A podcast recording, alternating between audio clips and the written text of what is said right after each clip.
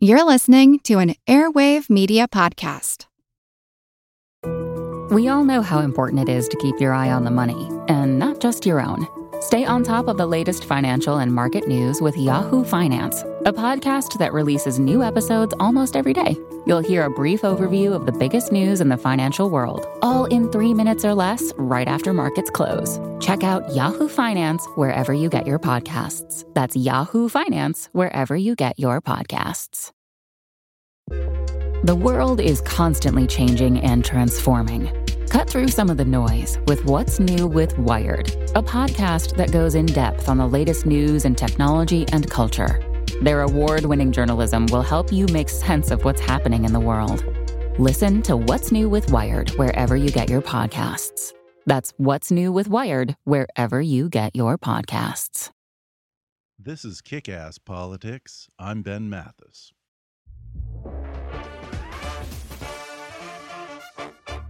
Before I start the show, I want to make two quick announcements.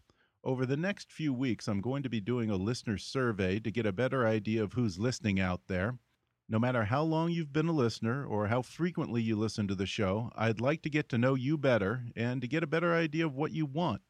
So it'll be an enormous help to me if you'll fill out a short questionnaire at kickasspolitics.com or you can click on the survey link in the show notes to this episode. It'll only take 60 seconds, and you can even fill out the survey anonymously if you want. It's just a few quick questions, and it'll help me better tailor content and advertising for you, the listeners. And the other way you can help out in a very big way is by donating to our fundraising campaign at gofundme.com backslash kickasspolitics, or click on the donate button on our webpage. I'm ramping up to two shows a week now, and I've set an ambitious goal of funding all of our production costs for the coming year by the end of this month. It's a chance for you to participate in what I'm creating here, and there'll be some cool rewards for donating and chances for you to interact with me and the show.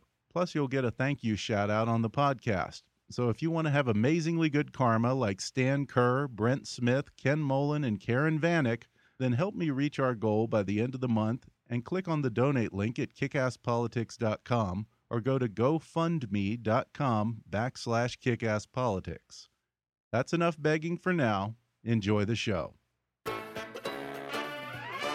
Welcome to Kick Ass Politics. I'm Ben Mathis.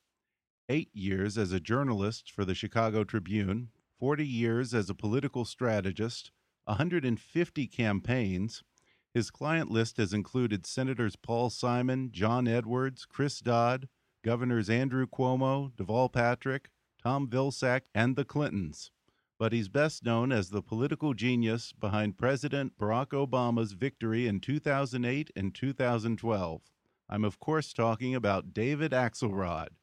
After a long career as the go to strategist for Democrats running for office, Axelrod served three years as senior advisor to the president and then got back in the game one last time to help deliver his longtime friend back to the White House in 2012. Since then, he's written his autobiography titled Believer. He started the University of Chicago's Institute of Politics, where he currently serves as director. And just recently, David Axelrod launched his own podcast called The Axe Files. Today, he'll talk about his very first campaign, his early days covering notorious Chicago politics for the Tribune, his 23 year friendship with Barack Obama, and his lifelong love for the political process. Plus, we'll discuss the President's Health Care Act, the President's relationship with Israel, and at least one reason why he says Donald Trump isn't so bad. All that and more with David Axelrod coming up in just a moment.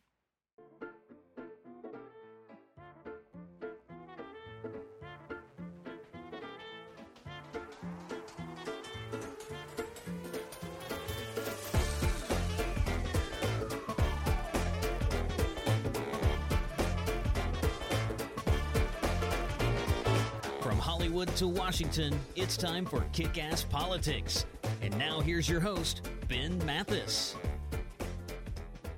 Today I'm joined by Democrat campaign strategist, the brains behind the Obama victory in 08 and 12, and former senior advisor to the president, now retired, at least from politics, David Axelrod.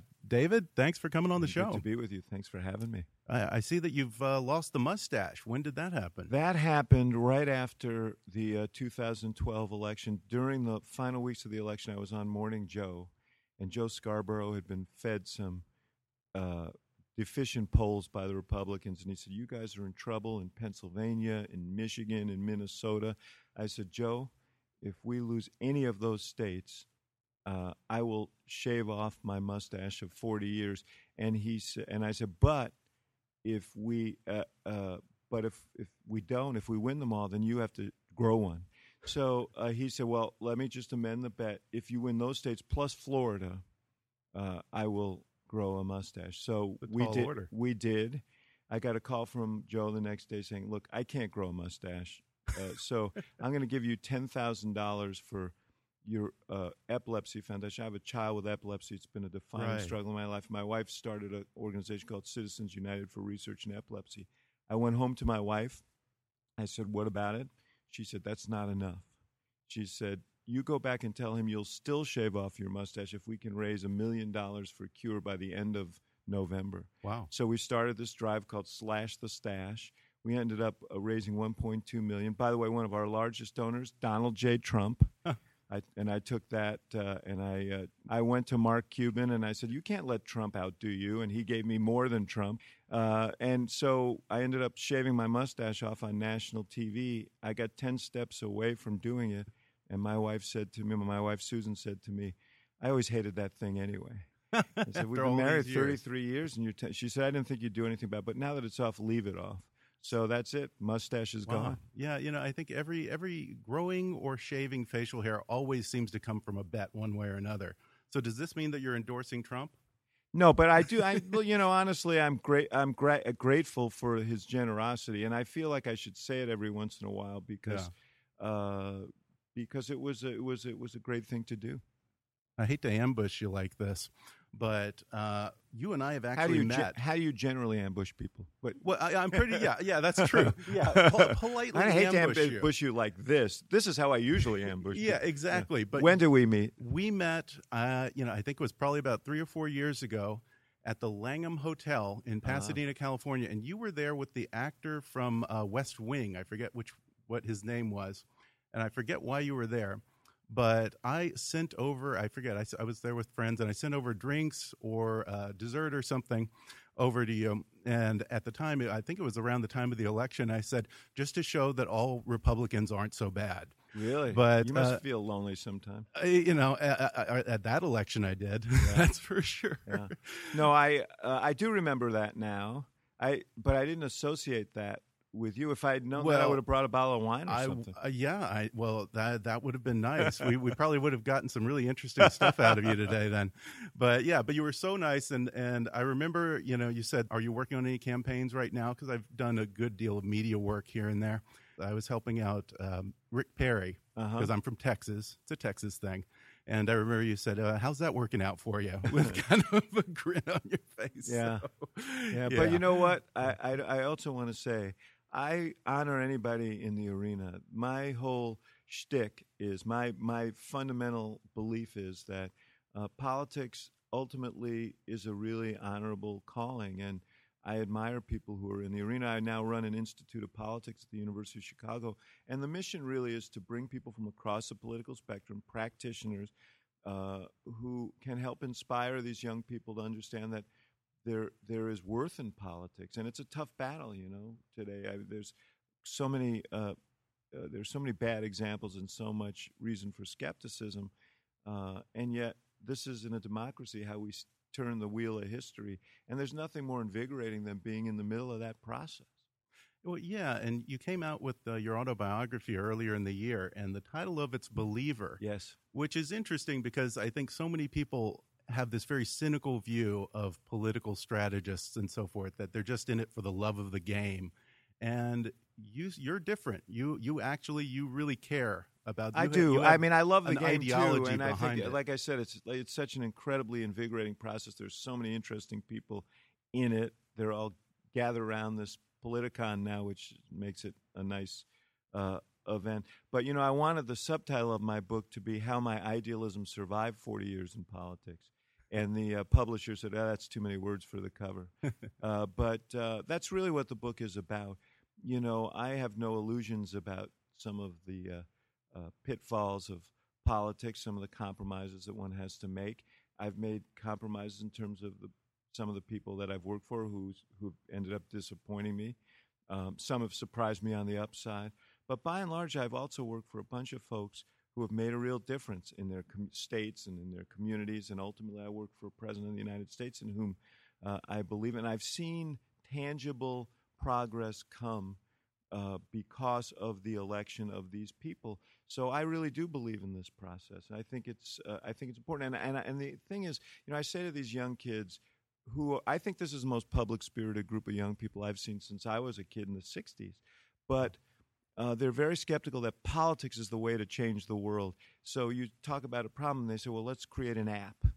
You know, hmm. let's do social media. And that is very, very powerful stuff. But it's not a substitute for governing. And I tell them all the time, you know, all the equities you care about, whatever they are, uh, they're going to make decisions in the Congress, in legislatures that are going to profoundly impact the things you care about.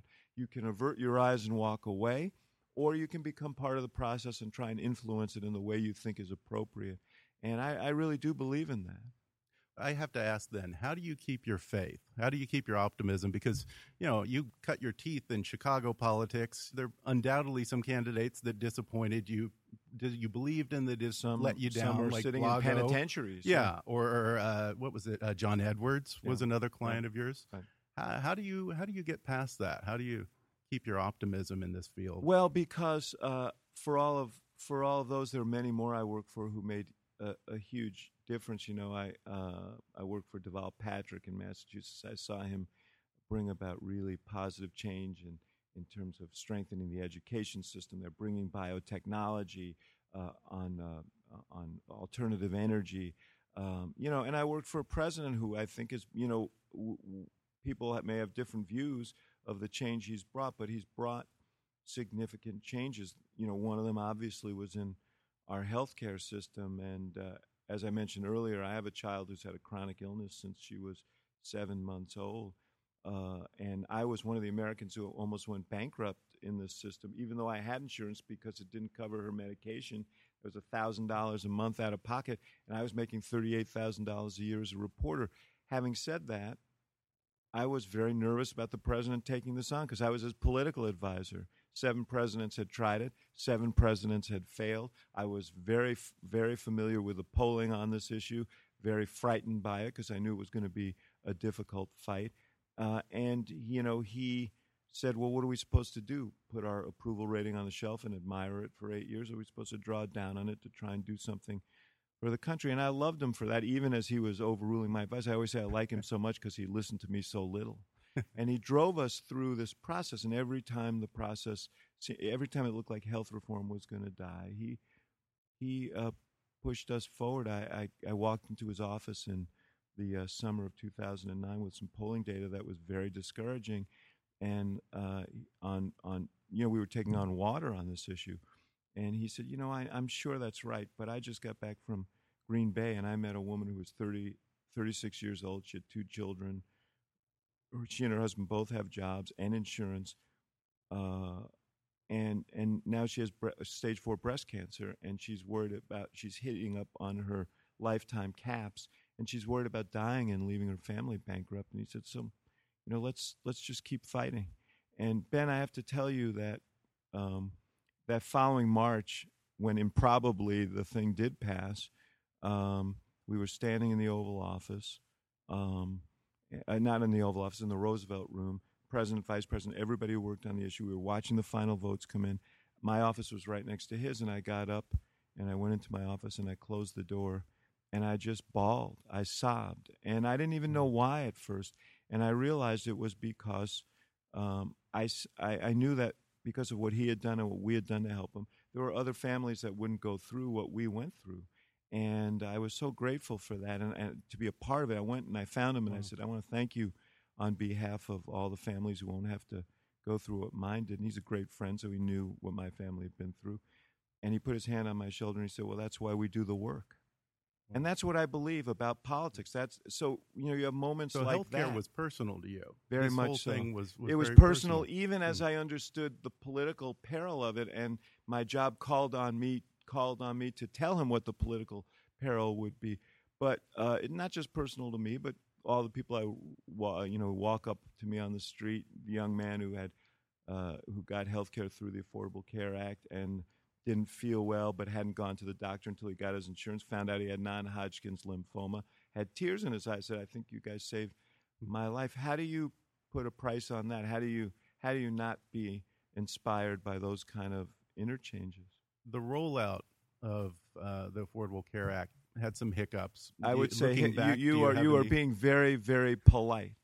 I mean, we they they were a disaster. I just you know I I, I mentioned I just uh, started a podcast myself called the Axe Files, and I had on on there the other day Aneesh Chopra, who was our first chief technology officer and was deeply involved in the run up to that, but was gone by the time the rollout uh, came. And I asked him, you know, because I felt like I was gut punched Yeah. when that computer failed, when that system failed, when people couldn't get uh, through. I, I felt for all the hard work that everyone had done, what a what a nightmare that was. And he too said, you know, how he was heartbroken by it, and it was completely unnecessary. They brought a SWAT team in, and within a matter of months, and for a fraction of the money they spent on the system, they were able to get the thing uh, working. So, Okay. um, Wa- wa- was there anything that you would have done different looking back? Well, you know, um, there are probably many things that if you in a perfect world you'd like to do differently. We, you know, the we shepherded that law through a very um, sloppy track, very difficult political system. You know, uh, there was a lot of pressure. You know, there were Republicans who had supported a similar proposal in the '90s, who were still in the in the Senate, who who said to us, you know, um, a lot of pressure. Unless you can get like ten Republicans, I'm not going to stand by myself uh, on this. We would have loved it to be uh, a, a bipartisan effort. At one point, uh, Olympia Snowe was talking to us, the former senator from Maine. She was in the Senate at the time, Republican, and she had some changes she wanted to make. And the president said, "I'm fine with these." He said, "Hell, I'll I'll call it the Snowe." Bill, I don't mind. He said he said she can move into the White House. He said Michelle and I'll get an apartment. Uh, so we we really wanted that, and you know we had to. We obviously cut deals as you do in the legislative process uh, that uh, that that were uh, less than optimal uh, and became issues. You know, our discussions with Ben Nelson from Nebraska uh, was one that got uh, publicized. I think the redemption of the Affordable Care Act actually came in the in the months before the vote when the president had the uh, the that uh, session in the Blair House where everybody sat around the table, Republicans and Democrats, with C-SPAN in in uh, tow, and said uh, uh, and, and spoke their minds, and the American people could hear the full uh, debate. I thought that was actually one of the highlights of my time in Washington to see the president and these earnestly uh, talking about their their the, the possibilities, the concerns, and so on. Uh, but I wish we had done more of that. Yeah. Well, let's go back a little bit farther, back to the beginning here, um, because uh, your book, which I highly recommend to anyone, left or right, who's going into politics, Uh, one of the things that you point out is, you know, my life didn't begin with Barack Obama. That's my life did as a the book, yeah. yeah, it didn't begin in 08. Yes. You know, you you had a long career in politics. Yes. And you actually began your career as a journalist for the Chicago Tribune, Yes. covering the city hall. And seven years into that career path, you decided to go over to the enemy, so to speak, and join the campaign of Paul Simon. Why? Why is why seven years on that uh, into Yeah. that track did you? Well, I did. I listen. I first of all. I got into journalism in part because of my interest in politics. You know, I started my interest in politics was really fired by uh, a visit by John F. Kennedy to the housing development where I grew up in New York, Stuyvesant Town, when I was five years old, and it just seemed so important and so exciting and so interesting that I I got sucked in and started working on campaigns as a as a kid. And uh, I went to sh- the University of Chicago because I thought Chicago's a really interesting political town. Last of the big Yeah, city that's machines. to say the They least. had uh, the Democratic convention there in 1968 that was calamitous and historic. They had a budding black independent, independent political movement. I thought, man, this would be really interesting to study. And then I got to the University of Chicago, and the University of Chicago at that time was very insular and and monastic, and I couldn't find anybody who wanted to talk about anything that happened after the year 1800. So I started writing for newspapers so I could write about politics. And um, I got I was lucky enough to get a job at the Chicago Tribune when I graduated. I quickly became after a couple of years on nights, I got a chance to be a political writer, and I loved it. It was the greatest education you could have. Uh, but I could see that the industry was changing. Newspapers were changing. There was new management at the Tribune after about six years, very much more bottom line oriented. Um, uh, the whole environment kind of changed, and I thought, I love journalism so much. I want to do it the way I, I, I was trained to do it, the way I believe in it. And if I can't, maybe I should look at other things. And about that time, Paul Simon came along, who was this very, very good guy. He was a congressman from Southern Illinois. He was kind of the Orville Redenbacher of Illinois politics. bow tie, bow tie yeah. and horn rimmed glasses. You know, ill fitting suits that were bequeathed to him by a constituent that he just never got altered. Uh, and he, but he was, you know, he was a guy who fought. He was from deep Southern Illinois, closer to Little Rock than Chicago. He fought for civil rights uh, uh, in the Illinois legislature, which was very hard from his district. He was a reformer, which was very hard from any district in Illinois. And he was a man of principle who believed. He was the ultimate believer. And I thought if ever I was going to go into politics, this was the kind of guy I wanted to associate myself with. And so he was running against Chuck Percy, who was a three term incumbent uh, senator in what was going to be a major national race. And he asked me to come to work for him. And uh, that was really changed my life, changed the direction of my life. Well, were there any lessons that you learned on that first campaign that have served you well throughout your political career? I think you learn something on every campaign that uh, that serves you well. But uh, my, um, you know, my instinct has always been that um, conventional wisdom is almost always wrong, and um, don't think conventionally.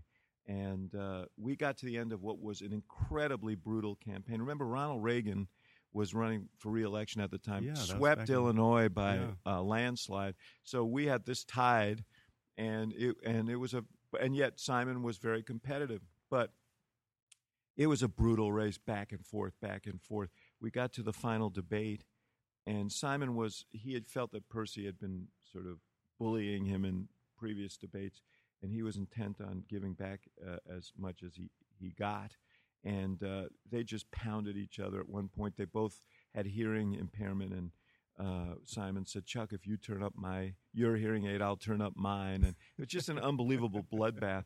And um, you know, Simon's hallmark was decency, and his numbers plummeted.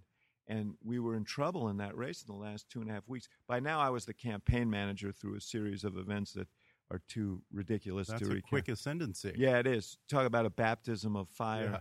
Um, now, I had a lot of helpers. David Wilhelm, who ended up being the chairman of the Democratic National Committee, managed the Clinton campaign, was my executive director. Uh, Forrest Claypool, who became a prominent uh, uh, public administrator and politician in Illinois, was my uh, one of my deputies. Rahm Emanuel was a field and fundraising guy. It was a it was quite a great young crew. Uh, but anyway, we got to this juncture, and the advice of the consultant we had, and we had a very fine one, Bob Squier, kind of a legend in political consulting, was we got to just we got to just eviscerate this guy with negative ads. And um, you know, I was a 29 year old kid who had never run a campaign before, and I said, no, we're, we're not going to do that. We're going to put an ad up in which Paul talks about why he's running, and uh, and our whole predicate was that Percy had shifted on a lot of issues in order to satisfy the right wing. He was quite a moderate uh, when he came up in politics, and in the in the, he had seen a number of his colleagues lose Jacob Javits, Clifford Case, uh, sort of icons of, uh, of of liberal and moderate republicanism. So he shifted before this election, and people were really leery of that. And uh, we did an ad in which Paul talked about his principles, and uh, and he and it was very much a liberal pro-government thing in the Reagan year. And he said, "My opponent calls me old-fashioned, but I don't mind. I'd rather lose with principle than win by standing for nothing. I want to be a senator you can count on." That's how the ad ended, and we came back behind that ad because uh, it was honest and it was authentic and it was what people wanted. And you know what?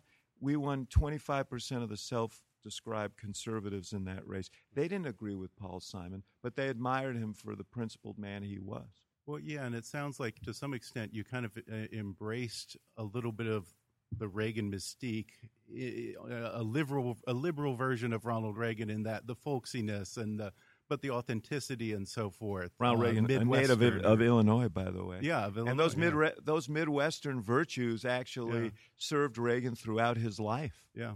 Yeah. We're going to take a quick break now. And then when I come back, we'll talk about the 2016 election and some of the lessons that David Axelrod learned over his 40 year career in politics. Back in just a moment.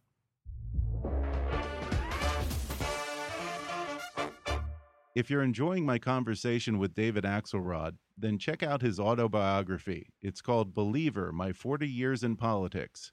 And right now, you can download the audio version of Believer for free with a special promotion for our listeners from audible.com. Just go to audibletrial.com backslash kickasspolitics for a free 30-day trial and a free audiobook download, which can be Believer by my guest today, David Axelrod, or any of Audible's 180,000 titles for your iPhone, Android, Kindle, iPad, or MP3 player. That's audibletrial.com backslash kickasspolitics. Or click on the sponsor link on our webpage to download the free audiobook of your choice. And if you like Kickass Politics, then help us reach our goal of funding the next year of programming by the end of this month.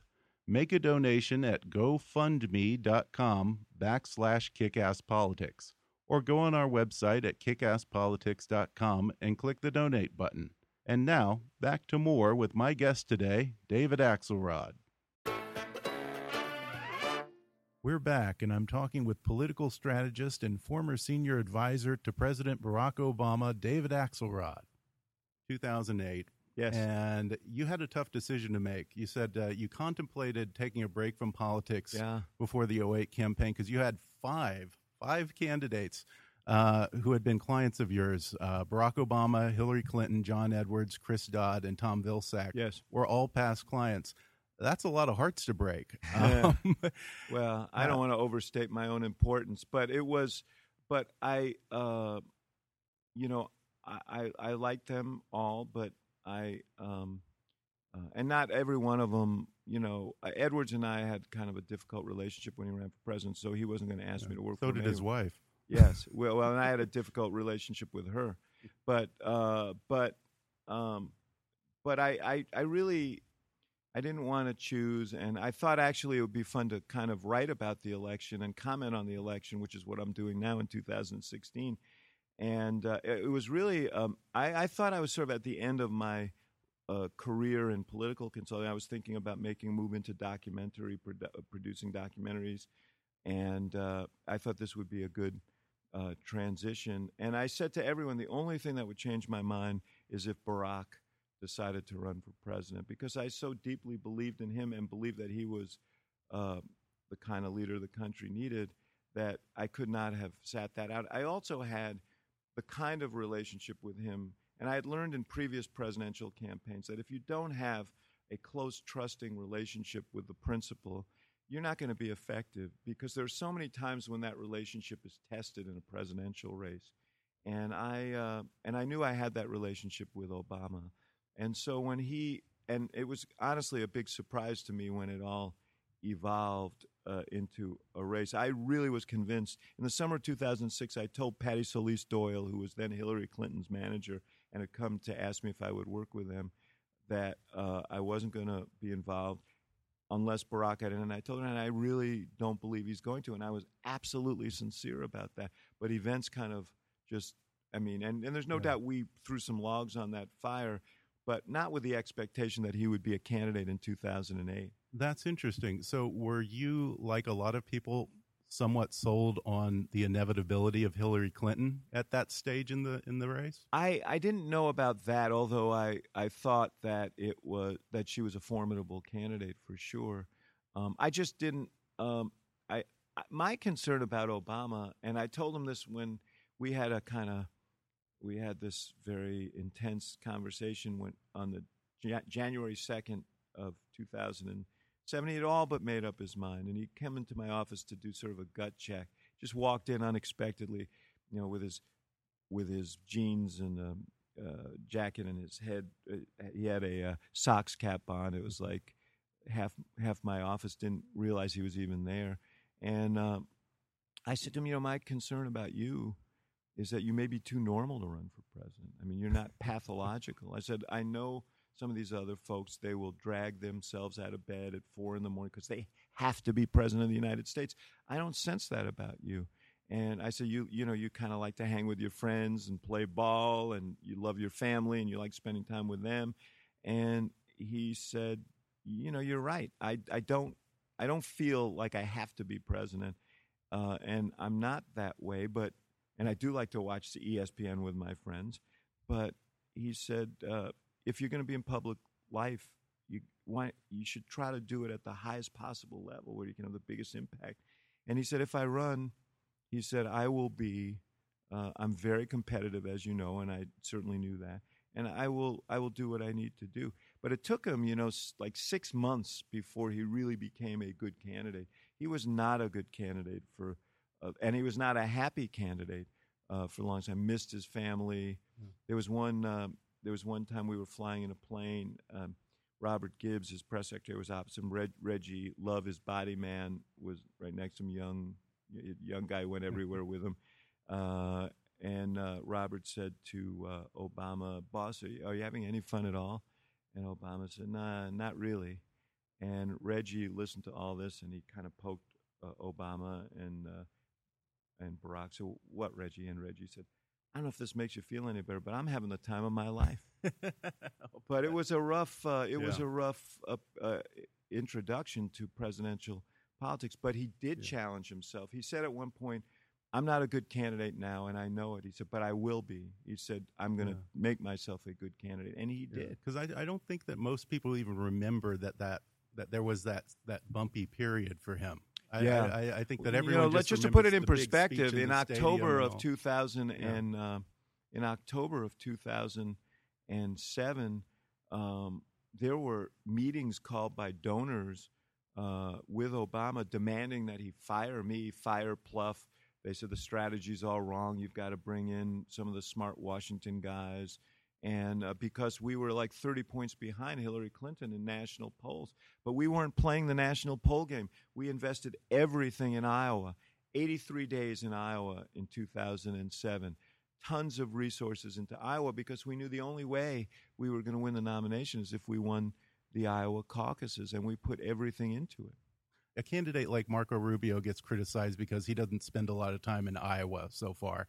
So I think it's less that, important. Is, that, is it an I think it's less. Notion? It's it's less important in the Republican process than it, than it is in the Democratic process. Okay. Because the Republican process is so thoroughly dominated by social conservatives that you know you look at the people who've won it: Huckabee, uh, Rick Santorum the last time. You know, Pat Robertson uh, did well there. I mean, it, it, that's the nature of the the electorate that participates in the Republican caucuses there, and rarely do they produce uh, the winner. That's not been true in the uh, on the Democratic side, uh, and yeah, it has true. it has more meaning. So. Um, I think the Iowa caucuses are important. Let me just say a word for both Iowa and New Hampshire to the rest of the country. Uh, you know, we're we're we're sitting in uh, California as we speak which I'm sure is a state filled with people contemptuous of the power that these tiny um, uh, little state homogenous states have.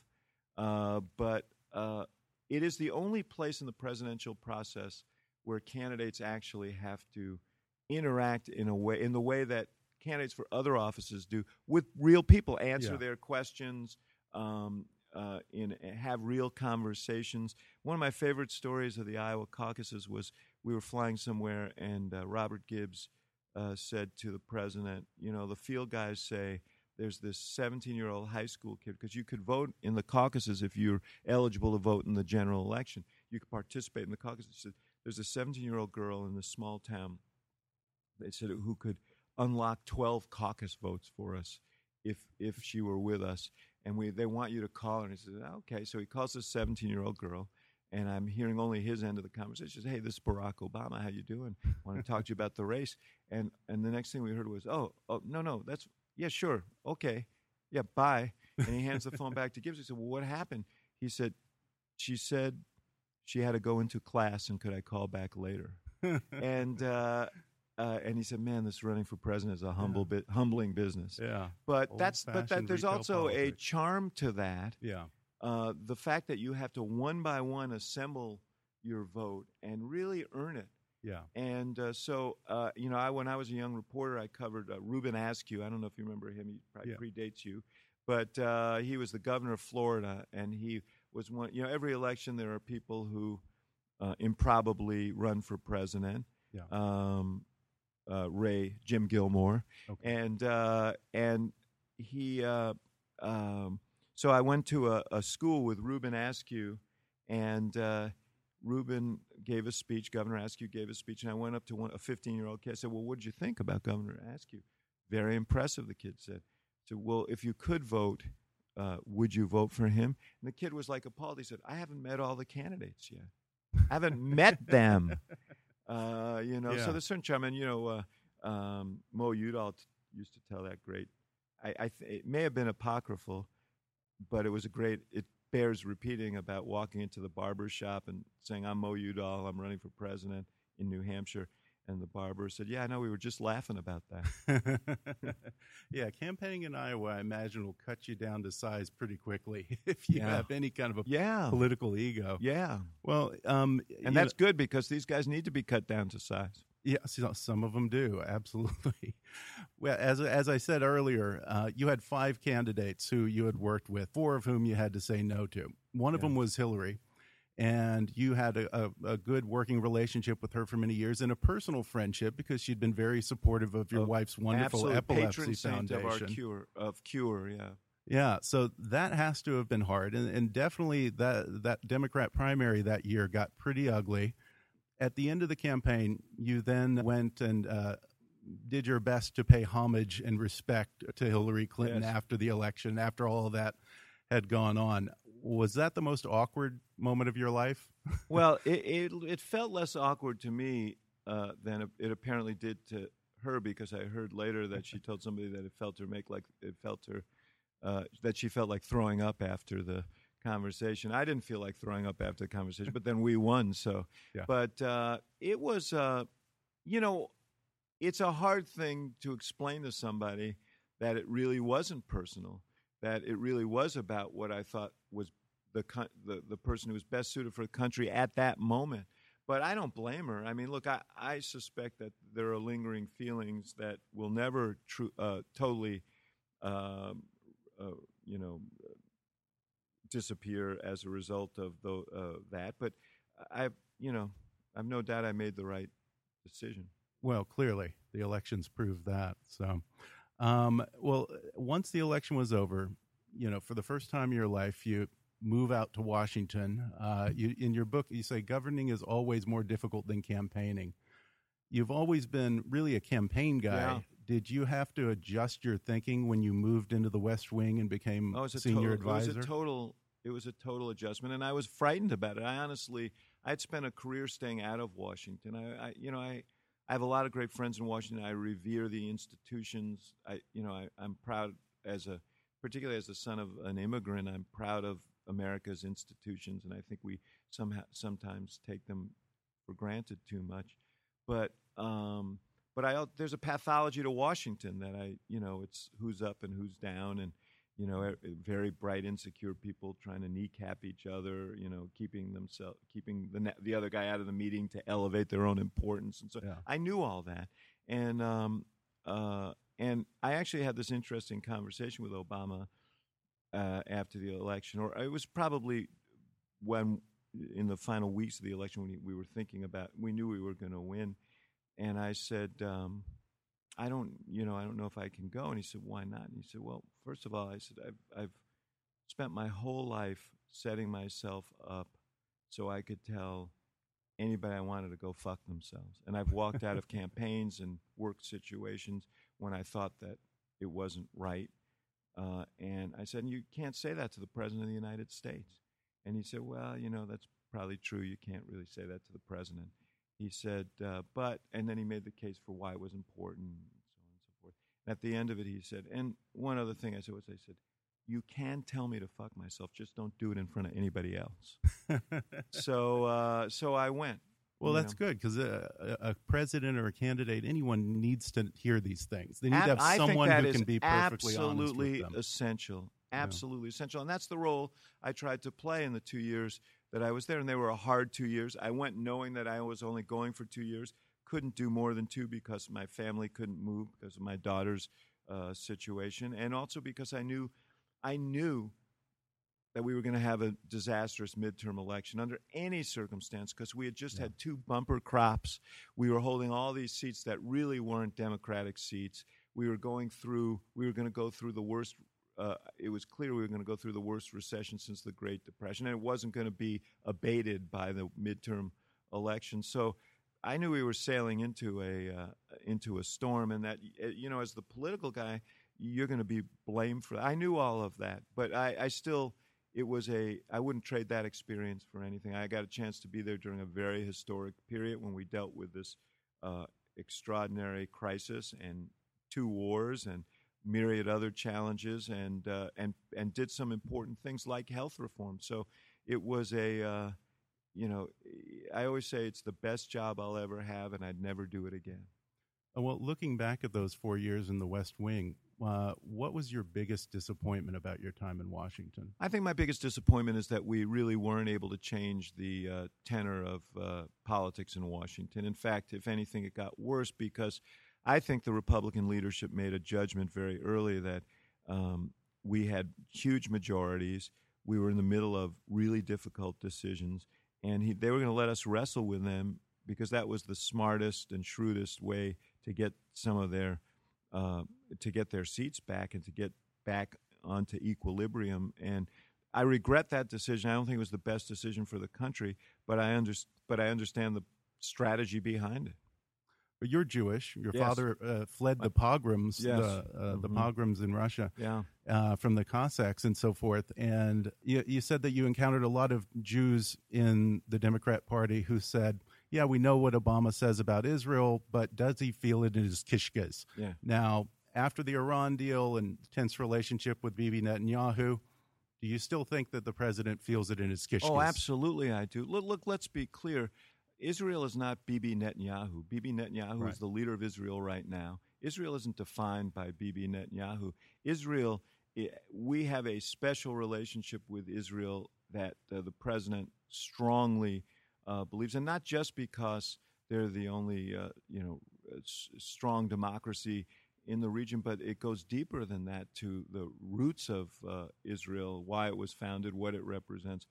So I have no doubt that he feels it. Where, where there's a difference is sort of what, what the way forward is here, and uh, um, how do you deal with um, uh, all of the changes and all of the um, challenges uh, of today, demographic changes, and maintain Israel as a uh, democratic Jewish uh, state, secure within its borders, and that that you know that's that's a that's an ongoing discussion. As for Iran, you know the question wasn't whether Iran should get a bomb or not.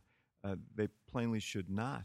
Uh, the question is what is the best way uh, to stop them, and um, and you know he believed, and I believe as well that the, the route he took held out the best possibility uh, to stop it. If that deal had had crashed, uh, they would have resumed their program. They were only a few months away from uh, from it, uh, from attain, obtaining the bomb or developing the bomb, and they would have gotten, and the sanctions would have fallen apart, and they would have gotten a, a windfall and made no sacrifices for it. So uh, you know, I'm I'm I'm proud of him for pushing forward on it. I think it was the right thing, and uh, you know, history will judge. Well, uh, I know that you have to go pretty soon here, so just a couple rapid fire quick ones here. Let's just clear this up right now. Obama, U.S. citizen? Yes, the president is yeah. a U.S. citizen. I am I'm Okay. hundred percent certain of Okay. Is he a Muslim?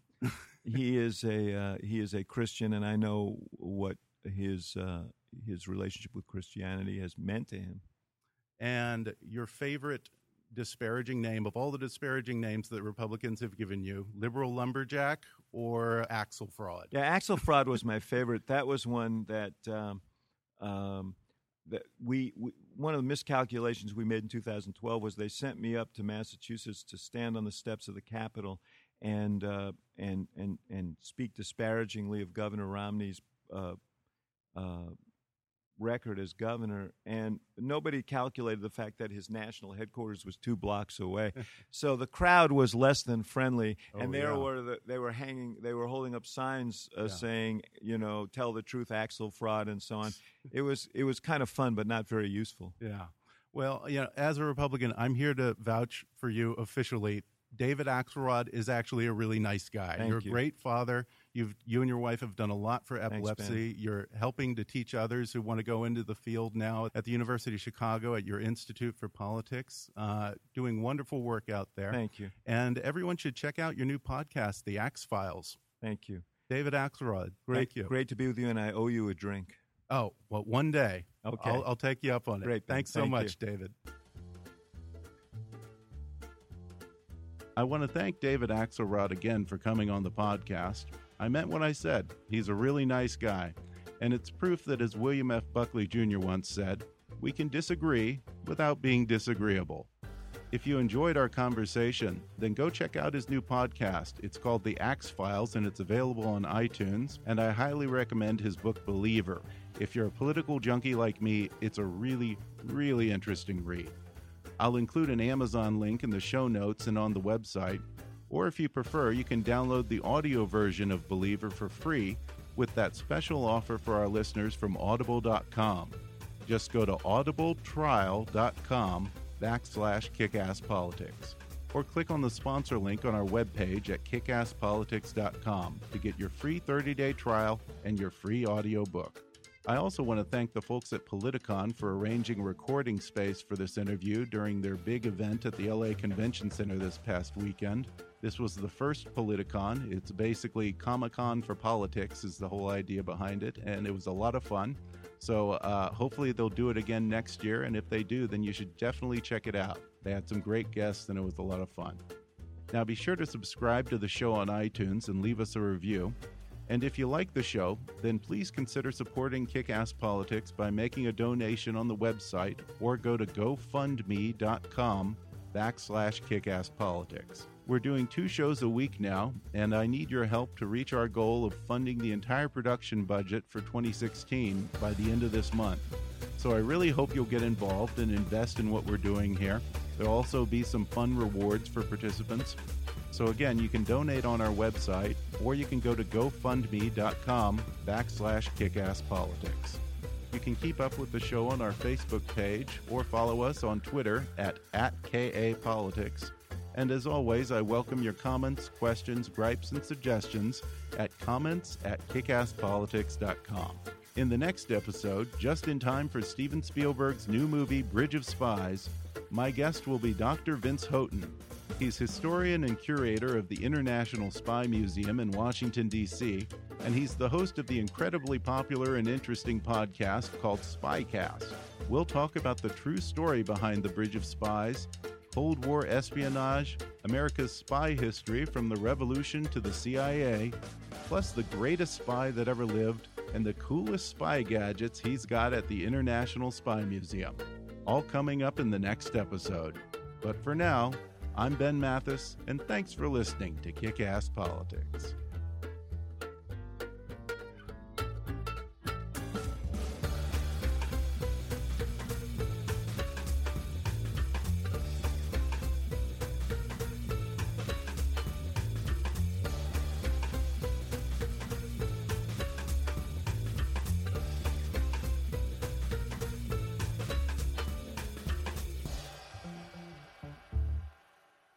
Podcast may not be reproduced without express written permission. Kick Ass Politics is a trademark of Mathis Entertainment, Inc.